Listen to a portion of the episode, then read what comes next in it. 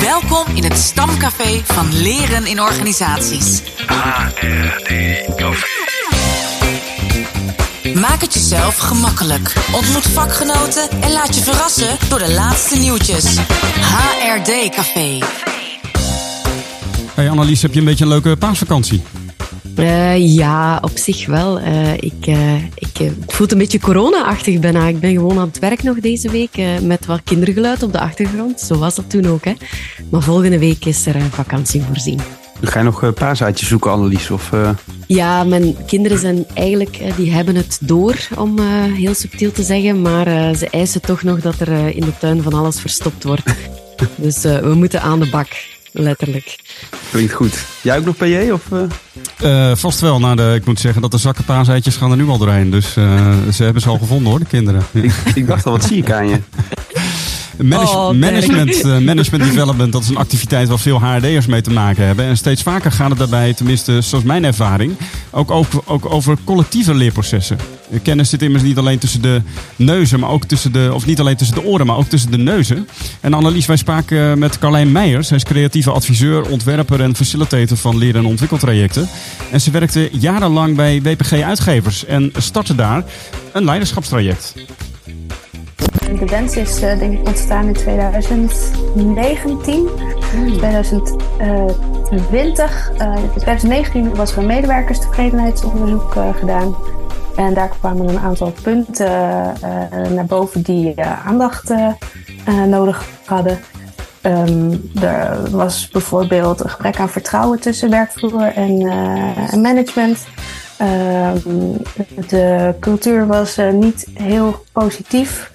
Um, en ja, nog een aantal andere punten die, die nodig waren om, nou ja, om aandacht aan te geven. Dat, dat is wel mooi, want uh, dat ze zo'n ja, medewerkerstevredenheidsonderzoek ook echt aanpakken om dingen te verbeteren. En dan niet zeggen tegen medewerkers van, nou gaan jullie maar wat doen. Maar als management ook ja, naar jezelf kijken en aan de slag gaan met je eigen ontwikkeling. Annelies, jij bent eh, bij Tijd en Weilen ook betrokken geweest bij dit traject. Ja. Um, en, nou ja, Carlijn gebruikt eigenlijk liever de, de term uh, leiderschapsreis. Hoe zou jij deze leiderschapsreis omschrijven? Ja, het is een reis om, omdat ze eigenlijk telkens samen met uh, een groep, en die wisselde ook, zoals ze straks ook vertellen, um, een nieuwe bestemming bepaalden. En dus de thema's waar rond de leiderschapsontwikkeling draaide, die uh, ging dan ook gaandeweg verder. En, en zo gingen ze dus samen op stap. Ja, dat was inderdaad eh, de aanpak die we direct kozen nadat we hadden bedacht, we gaan dit organisch organiseren. Dat we wel vanuit HR, vanuit directie, uh, uh, ideeën hadden van dit zijn belangrijke thema's. Um, maar we willen dat nog niet helemaal vastzetten. Dus we willen ook kijken wat er op welk moment belangrijk uh, is. En dat um, we wilden het ook met de deelnemers samen -hmm. maken. Um, en dus daarom ook dat eerste onderwerp diversiteit en inclusiviteit. Dat kwam echt heel erg uit, uit de groep van ja, hier willen we echt iets mee. Um, en het kon ook gebeuren dat bijvoorbeeld uit een, uh, een leiderschapsdag weer een volgend thema kwam. Ja. Um, en uh, dat was bijvoorbeeld bij uh, je rol als leider in het systeem. Daar was het, bleek een, een onderliggend thema in de groep te zijn. Ja, omgaan met on, ongemak en met weerstand. Hoe doe je dat nou? Ja. Um, dus de volgende, de volgende leiderschapsdag werd toen het goede gesprek. Dus hoe kun je de onderstroom um, onderzoeken. En, dan, en wat we dan deden, is als die vraag uit de groep, uh, die behoefte uit de groep uh, duidelijk werd, mm -hmm. dan uh, nodigden we ook mensen uit van wie, wie, wie heeft hier iets mee? Wie vindt hier iets van? Wie wil hierover meedenken? Vind ik toch wel een van de leukste en ook wel de lastigste uitdagingen in ons werk. Aan de ene kant streef je een bepaald doel na. Zo'n zo leiderschapsreis, ja, die initieer je naar aanleiding van een MTO. En daar komen bepaalde dingen uit die je wil veranderen. Maar aan de andere kant wil je ook recht doen aan de flow en, en dat wat er speelt op het moment. En uh, daarin balanceren en ook uh, ja, betrokken, de, alle betrokkenen eigenlijk ook op één lijn houden in het MD-traject. Dat, dat vind ik wel echt een kunst. Uh, Annelies, wat ik me afvroeg, hè, hoe ga jij eigenlijk om met ongemak? Uh, met ongemak, in de ruime zin van het woord. Meestal erkennen of mezelf ook benoemen van het is er. en dus we mogen er even in vroeten en we vinden wel een weg vooruit. Ja. Hm, dus, uh, dat is oké, ja. en ik denk dat is ook wat wij in ons vak heel vaak doen. Met dat ongemak omgaan, maar toch een stap zetten waarvan we vermoeden dat het ons wel op weg zal helpen. Ja, dus dat gewoon durven aankijken en uh, nou, laten gebeuren. Ik ben eigenlijk ook wel benieuwd wat de impact van het traject was. Kijk, we hebben best wel gefocust op die, uh, op, uh, die collectieve ontwikkeling en uh, die thema's. Um, daarnaast was er ook nog een individuele lijn, waarbij mensen allemaal een persoonlijkheidsanalyse hebben gedaan van TMA, waaruit hun eigen leervragen mm -hmm. voort zijn gekomen. En er waren ook altijd keuze-elementen in de programma's. Um, waardoor yes. iedereen op zijn eigen zijn eigen leervraag ook aan de gang, uh, aan de gang kon. Um, en het, maar het, eigenlijk het grootste effect, dat hebben we ook toen met de afronding um, allemaal zo ervaren en besproken, was dat er echt meer verbinding is ontstaan. Mensen hebben elkaar echt beter leren kennen, elkaars werk, elkaars teams beter leren kennen. En um, dat heeft ervoor gezorgd dat mensen elkaar meer zijn gaan opzoeken, meer zijn gaan delen. Dat er uh, echt nieuwe ideeën zijn ontstaan, nieuwe samenwerking en echt concrete nieuwe producten en diensten. Um, want die, die, die, die, die leidinggevenden die in dit programma meededen, die namen ook die ervaringen weer mee terug naar hun team. Dus die werden een soort van uh, linking pin ook tussen de verschillende onderdelen. Hè. Die konden dan tegen medewerkers zeggen van... Um, dan moet je eens vragen bij die en die van dat en dat onderdeel. Uh, want die zijn, er, die zijn er al mee bezig. En uh, misschien kun je even kijken hoe zij dat doen. Um, dus dat is eigenlijk de grote, ja, de grote winst uh, geweest. Ja, en ik vind dat wel interessant wat ze zegt. Hè, dat collectieve, hè, dat was ook echt de winst en de verbinding. En tegelijk, hè, als ontwerper is het ook altijd spannend om... Hè, dat waren hele grote groepen, waren meer dan 50, 60 leidinggevenden. Om dan toch één dag één lijn te zetten. Um, dus, uh, maar ze hebben dat wel mooi gedaan, vind ik. Carlijn vertelt tot slot nog over hoe ze de directie betrokken hield gedurende het traject. Ja, kijk, ik kreeg um, uh, redelijk uh, carte blanche van, uh, van de directie om, mm. om het te gaan doen. Um, um, maar dat betekent natuurlijk niet dat ze er niks van vinden. Dus uh, regelmatig even inchecken van nou, dit is het doel, dit gaan we doen op hoofdlijnen. Dat is wel even belangrijk. Uh, en dat is een interessant spel, omdat je daarbij ook niet te veel moet weggeven omdat zij natuurlijk ook hun leerpunten hebben en uh, sommige dingen misschien spannend vinden en uh, dan misschien liever uit de weg willen gaan. Heb jij eigenlijk wel eens zo'n uh, carte blanche gehad, uh, Pieter Jan? Een carte blanche, nou dat is eigenlijk wel. ja, ze zeggen natuurlijk carte blanche en tegelijkertijd. ook weer niet. Nou ja, tenminste, ze vertelt ook heel duidelijk dat het voortkwam uit bepaalde ontevredenheid vanuit het MTO. Uh, maar ik denk wel dat het heel mooi is als een directie ook in die zin carte blanche in vormen geeft. Hè? En in, in manieren waarop je daar dan als ontwerper ook mee aan de slag kunt. En uh, dat is natuurlijk heel mooi. En tegelijkertijd een carte blanche kan ook betekenen dat, je, dat, je, uh, dat het leidt tot niet betrokken zijn. En ja. dat is wel heel mooi dat zij je zegt van ja, daarom ben ik ook mezelf echt op de agenda gezet ook bij die directie. Dus um, nou, ja, heb ik wel eens een ja. carte blanche gehad. Nou, niet zo denk ik zoals zij het vertelt. Ik vind het heel moeilijk om carte blanche te krijgen. Ik moet altijd even toch iemand horen die mij inspireert ja. om ja. richting te geven. Uh, dus ja, dus het, het lijkt een geschenk, maar dat is het niet altijd inderdaad. Hè. Uh, ook qua vormen zelfs wil ik toch ook richting van wat werkt hier, wat, waar, waar hebben jullie weerstand op. Dus uh, ja, carte ja, je moet het, dubbel. Ja, je moet het wel kunnen toetsen of zo, hè? Ja, ja absoluut. Ja, en uh, we hebben een heel gesprek gehad, hè, Pieter Jan met Carlijn. Dus wil jij dat volledig gesprek herbeluisteren? Dat kan. En dat kan op de podcast HRD Café Lounge. En die is vanaf woensdag beschikbaar in jouw favoriete podcastspeler. Wacht even, ik, ik hoor HRD Café Lounge. Wat, wat is dat dan weer? Haha we hebben iets bedacht, Dirk. Oh. Uh, het is een nieuwe podcast. Hè, en je moet een beetje voorstellen, je zit in het café, je drinkt je koffietje. Dit is uh, even snel koffie door met de dag. Maar de HRD Café Lounge, dat is die zetel waar de krant ligt. Mm. Waar je even oh. rustig een verdiept gesprek uit ons vakgebied kan beluisteren. Uh, dus vanaf woensdag is hij daar. Nou, nu was in. HRD Café. Met Dirk van der Pol, Pieter Jan van Wijngaarden en Annelies Wiebel.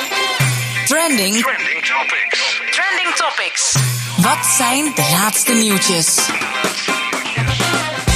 William de Kasten deelt een mooi event op LinkedIn. Op 23 mei 2023, mijn verjaardag trouwens, vindt het jubileumfeest 20 jaar Bachelor Learning and Development in Organizations aan de Han Hogeschool Arnhem-Nijmegen plaats. Het thema heet Future Proof en je gaat dan op expeditie naar de toekomst van leren en ontwikkelen dus. Kijk even naar de link in de show notes als je erbij wilt zijn. Hey Dirk, hoe is het eigenlijk gesteld met jouw vaardigheid om op flip-overs te schrijven? Oh, dat, uh, dat, dat wil je denk ik niet weten. Ik uh, ben vrij linkshandig. En uh, als ik dan schrijf, dan wordt het echt van die kraaienpootjes. Dus ik denk dat ik nog nooit iemand gelukkig heb gemaakt met mijn flip-over stijl. Oh ja, en dan veeg ik het ook nog uit, weet je wel, omdat ik linkshandig ben. Ja. Dus aan het einde heb ik dan een blauwe of een rode of een groen, blauw, rood, zwarte hand. Ja. er waren ook een aantal foto's bij. Daar stond bij, dit was mijn dag. Kras, kras, kras. Hoe was de jouwe? um, dus dat wil je niet. En wat deelnemers ermee lijken te zeggen naar hun thuisfront is... Ja, dit is zo'n onder... Je, jij praat en jij legt uit en jij geeft feedback en jij schrijft. Als jij dit stuk niet goed doet, dat is een vierde van je taak. Ja. Doe even normaal, joh. Ja. Ja, Sjane Bakker en uh, Jan-Peter Hoogstraat gaan in editie 134 van de podcast No More Boring Learning in op de vraag wat deelnemers naar huis appen over de training die ze meemaken. En dat levert, als ik het zo mag zeggen, echt hilarische anekdotes op. Uh, die Sjane en Peter, uh, Jan-Peter in een frisse, kenmerkende stijl met je delen in, in de podcast. En ze gaan in op, in op de top 10 um, zeg maar van, van appjes die naar huis gestuurd worden over de training. echt een aanrader. En Dirk, nou, je hoort dus, het zou dus zomaar kunnen dat er een deelnemer in jouw bijeenkomst is geweest die even lachend een, flip, een foto van een flip over naar huis heeft gestuurd. En dus ook denkt van, wat wordt die jongen voor betaald, man? hij heeft maar vier dingen te doen. En één van die vier dingen, die doet hij ook nog niet goed. You had one job. Ja. Uh, nou, we feliciteren onze Kessels Smit collega Rosa Helmanton met haar zojuist verschenen werkboek Positief in Gesprek. En uh, Rosa, je zit hier eigenlijk al stiekem de hele tijd bij een HD-café. Dus uh, kan je ons eens vertellen, ja, wat is dit voor boek Positief in Gesprek? Ja, zeker. Ja, samen met Saskia Tjepkema schreef ik een werkboek over positief in gesprek gaan voor leidinggevenden en uh, eigenlijk wel voor iedereen. En er staat de theorie in over positieve psychologie en een verzameling aan uh, werkvormen om positief en waarderend in gesprek te gaan. Oeh, dat maakt me nu al nieuwsgierig, uh, Rosa. Hey, en waar kunnen we het zo bestellen of meer informatie erover vinden? Je kunt het straks vinden als download in de KNS-tools en je kunt mij even een berichtje sturen natuurlijk. Oké, okay, en, en wat is je mailadres dan? Want uh, voor, ja, voor de luisteraar natuurlijk. Dat is uh, rhelmantel.kessel-smit.com Nou, we zetten het in de show notes erbij. Rosa, blijf uh, gezellig even in het HD-café. Pak een kop koffie erbij of zo. Uh, tof. En uh, nou ja, dat moeten we eigenlijk vaker doen, hè? zorgen dat nou ja, iemand aanwezig is in het HD-café live, toch? Absoluut, ja. Ik heb nog een nieuwtje uit uh, LinkedIn uit Vlaanderen. Uh, uh, doctorandus Thijs Bézieux die deelde een grafiek over een onderzoek dat te maken had met feedback. En hij stelde de vraag, the more the merrier, vraagteken. Dus hoe meer feedback, hoe beter dan. En hij antwoordt daarop heel stellig, nee. Um, en hij hanteert telkens, hij doet dat vaak, uh, hij onderschrijft zijn boodschappen altijd met onderzoek. En hij hanteerde een chart uit een onderzoek uit 2011 die duidt hoe prestaties toch achteruit gaan als er overbelading is voor de ontvanger door feedback. Je vindt het bericht en de comments daarop terug op de LinkedIn-pagina van Thijs Bézieux.